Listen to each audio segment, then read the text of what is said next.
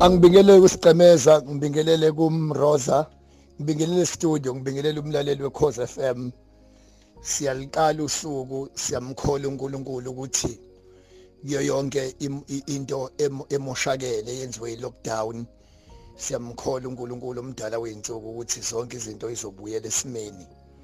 Esicela ukuthi bonke abantu emhlabeni abaphilayo ikakhulukazi emakhaya kuma families isemsebenzini isemasontweni yonke into esiyenzayo kube khona iunit kube khona ukuzwana.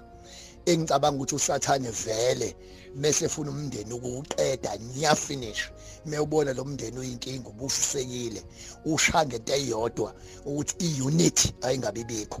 Mefuna usathane ukuqeda ngesonto lingafika indawo ibandla efuna ukuqeda ngebandla lingafika indawo i-unit ayingabibikho. Uma i-organization inhlangano isizophela usathana uqeda i-unit ubunye. Ngiyaye ngithi uNkulunkulu angasebenza ngeyiphinki nezonakale ezi-united ezihlangene kunamakholwa divided. Let me repeat again. uNkulunkulu angasebenza ngabathakathi aba-united kunamakholwa a-divided. Ngizothi ke balaleli bokhosi FM ngizokhuluma ngento eyi-1 namhlanje. Umlaleli esemotweni usekhaya ulalele. Engicela ulalelele nengane yakho ulalele nomngane wakho nje. Nansi into edestroy umhlaba ya destroy imndeni ama families umshado akunamadimoni amaningi akhona ama relationship akunamadimoni akhona even ngawumjolo ngaba bangani nje. Kodwa into enkulu eshaya abantu phansi komthunzi welanga iyodwa amanga laye. Akekho umuntu emhlabeni ongenalo iphutha. Sonke sinamaphutha. Ungilalele emlalelo khoze FM unalo iphutha. Kodwa ipride yini ukuphakama? Ukuphakama ucabanga ukuthi wena unaphutha. Kubhlungu ukuhlala nomuntu erumini ucabanga ukuthi yena njalo uright. Wena uhlala uxolisa ngisho ungenzanga lutho. But angikho ke lapho. neBhayibheli lithi masithi asinasono masithi asinaphutha simenza umqambi manga uNkulunkulu nayo into engifuna ukuyibeka ngqo engifuna kumlalelo ukhosi FM ihlale kithi isinkizile. Ungahlala nomuntu onephutha endlini akunankinga. Ngingahlala nomuntu ongemuhle akunankinga. Nenuku ngingahlala nalo mangilithanda endlini akunankinga. Ngijathiwa wisinoko ngingahlala nawe. Kodwa kubhlungu ukuhlala nomuntu onamanga oqamba amanga. Kuma relationship nasebudlelwaneni nakuma friendship asikhaliswa kakhulu ukuthi wenzeni. Cha ngikhaliswa ukuthi kanti yonke leminyaka ubungiqambela amanga. Uhlale nomuntu for 5 years 10 years 15 years kanti awazi uyalobola kanti awazi ushadile.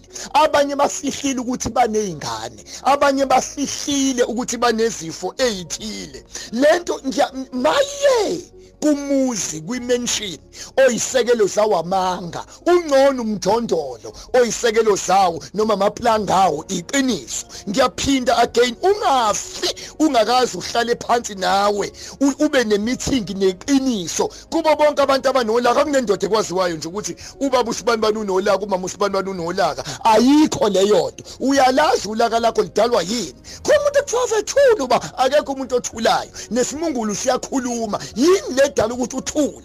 Hlala phansi nawe ube nemeeting nezinto ezidala wenze kanje. Balele bokhoze FM iqiniso liyawusikhulula. Siyawulazi iqiniso neqiniso liyawusikhulula. Mina nje kubo bonke abalaleli bokhoze FM mangiqeda ukukhuluma kungena incingo ngena ama SMS mangiqeda nje manje. Ayikho into ebhlungu njengento engiyizwile engihlale ngizwa njalo ukuthi uma kangifuni uma uyangiyanya.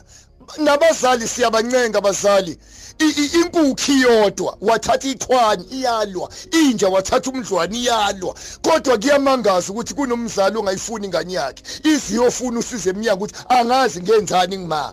Ngiya ngiyazama kuma ngiyincengela uma kangifuni. Ubokwazi ke mzali ukuthi uma ungayifuni ingane yakho uyalazi iqiniso elidala ukuthi why ingane yakho ungayifuni. Ngizongena deep ke kulezo zinto njalo. Mhlawumbe next week uma uNkulunkulu enginikizile isikhathi. Ngicela kubaleleli bokhoze FM kubo bonke abantu abafuna sixoxe silulekane imimizi amamakhaya. Asesemeselaneke kule number ethi 066 053 0791 066 053 0791 akanibusise uNkulunkulu ningena anibusise niphuma. Konke nibeka kona isandla uNkulunkulu akanibusise. Kungcono abantu babaleke kuwena ukhuluma iqiniso kunokuthi bakuthande kanti uqamba amanga. Zintathu izinto emhlabeni ongeke wayifihla nomphela. Ilanga inyanga neqiniso. Kuyavela lezi zinto god bless you.